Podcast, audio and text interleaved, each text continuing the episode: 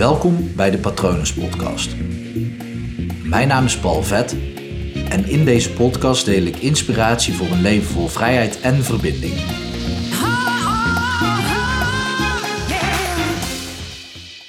Het gedrag wat je tot hier heeft gebracht kan momenteel wel eens een last zijn waardoor je niet verder komt in je leven. Toen ik zeven jaar oud was, toen was ik gepest door mijn vriendjes en ik ging naar mijn moeder toe om, ja, om, dat, om getroost te worden. En nu was het zo dat ik dat al vaker had geprobeerd om naar mijn moeder toe te gaan om getroost te worden.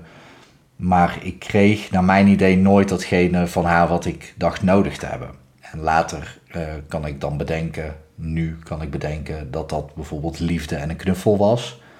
En de liefde die zij mij gaf was dan ook op dat moment niet de liefde die ik nodig had. Dus waarschijnlijk echt een knuffel of begrip. Dat kon mijn moeder niet. Ik hou van mijn moeder, ze is er helaas niet meer.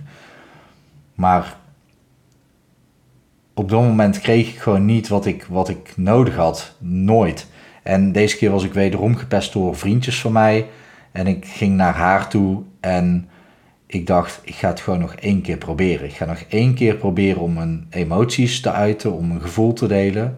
Ik was zeven jaar, ik dacht zoiets van, ik ga nog één keer naar haar toe. Want ik zit ermee en, en mijn moeder is degene die er voor mij zou moeten zijn.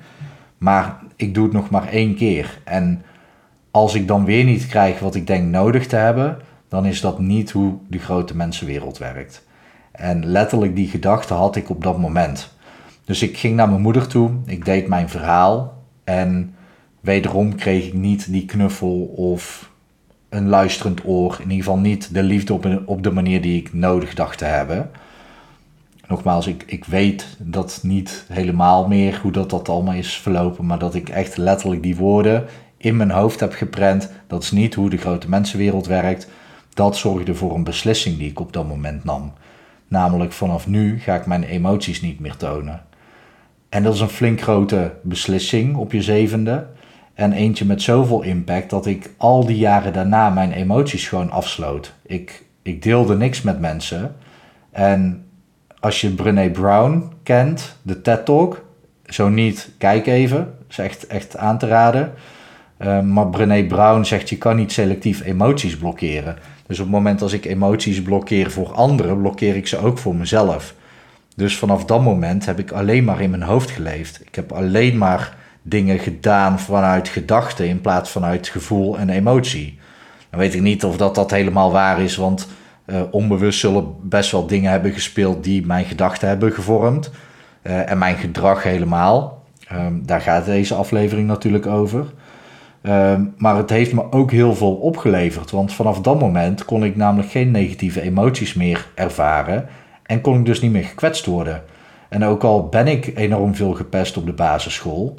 En um, heb ik best veel meegemaakt in mijn jeugd toen ik door mijn moeder ben opgevoed. Ik leed er niet heel erg onder, tenminste niet bewust, omdat ik dat deel van mezelf gewoon had afgesloten. Dus dankjewel dat ik die beslissing heb genomen en dankjewel voor het gedrag van mezelf afsluiten. Het nadeel is, op latere leeftijd ben ik erachter gekomen dat je je alleen maar gelukkig kan voelen.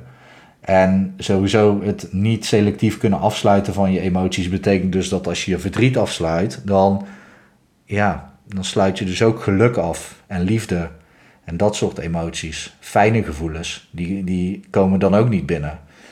Dus gelukkig ben ik in 2012 iemand tegengekomen die even in één klap keihard door al mijn Chinese muren heen heeft gestoten. Echt een sloopkogel was het.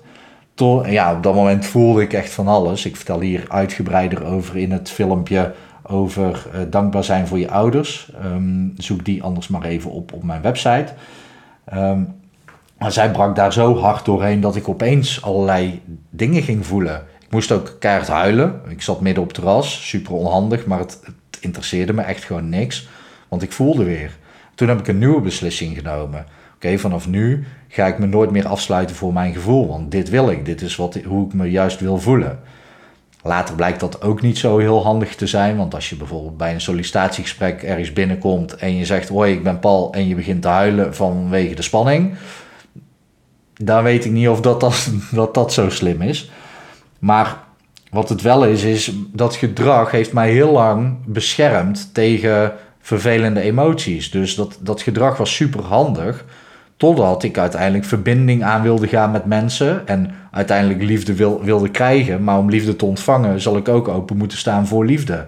Voor verbinding. Dus uiteindelijk heeft dat gedrag mij heel erg lang geholpen tot een bepaald punt. En toen was het gewoon dat punt, het juiste moment om het gewoon van me af te gooien, die last achter me te laten. Want eerst is het fijn, zou je het bijna lust kunnen noemen, totdat het om wordt gedraaid tot last. En op het moment als iets een last is, dan wordt het tijd om dat los te laten, om achter je te laten. Ehm, dus dat heb ik uh, in ieder geval met dat gedaan. Ik, uh, er zijn ook genoeg andere eigenschappen die ik achter me heb gelaten, omdat ik, ik hou van verandering. En daar doe ik dus ook veel aan. Uh, maar ik zou jou eens willen vragen om eens bij jezelf na te gaan. Oké, maar waarin wil ik op dit moment veranderen in mijn leven? En welk gedrag staat mij daarbij in de weg? Bijvoorbeeld onzekerheid is een, een handig voorbeeld. Je toont onzeker gedrag of je voelt je onzeker. Nou, omdat je je onzeker voelt, kan je best wel duidelijke beslissingen nemen om bijvoorbeeld niet voor een groep te hoeven te spreken. Dan kan je dan gewoon heel zelfverzekerd over zijn van, nou, dat doe ik niet. Dat is meteen dubbel, hè? want je bent dus niet onzeker, je doet onzeker over bepaalde situaties. Want door die onzekerheid kan je dus blijkbaar in, in dit voorbeeld wel heel zelfverzekerd zeggen: nee, dat doe ik niet. Uh, dus dat is lekker dubbel. Maar dat gedrag heeft je dus ook wel um, iets op, opgeleverd. Want ja, onveilig voor een groep staan, dat, dat um, kan je best wel eens klein hebben gekregen in het verleden. Maar ja, waarschijnlijk momenteel niet meer. Dus dan is het meer een last, die onzekerheid. Dan kan je zeggen, dankjewel onzekerheid, dankjewel dat je er voor me bent geweest. Dankjewel dat je deze dingen voor me hebt gedaan. Nu heb ik je niet meer nodig. Vanaf nu zet ik gewoon mijn zelfverzekerde ik aan. En ik heb daar ook een artikel over geschreven op mijn website Affirmeren voor Gevorderden. Uh, of Affirmatie 2.0. Ik weet niet precies hoe ik het uh, noem. Moet je maar even zoeken of me even een berichtje sturen. Um, maar dit is dus interessant. En Edwin Selei zegt dat ook altijd. Ik ga zijn opleiding volgen tot hypnotherapeut. Of ik zeg, ik, ga, ik ben uh, van de week al gestart.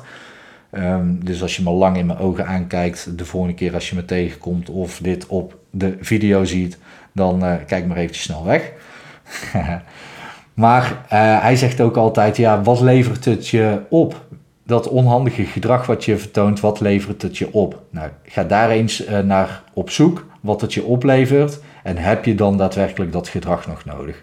Ik ben benieuwd, heb je hier vragen over of ben je op zoek naar het artikel over dankbaar zijn voor je ouders of affirmaties voor gevorderden? Stuur me even een mailtje op patronen.palvet.com of praat mee via Instagram. Ik hoop dat alles goed met je gaat en ik wens je een mooie dag toe. Hi!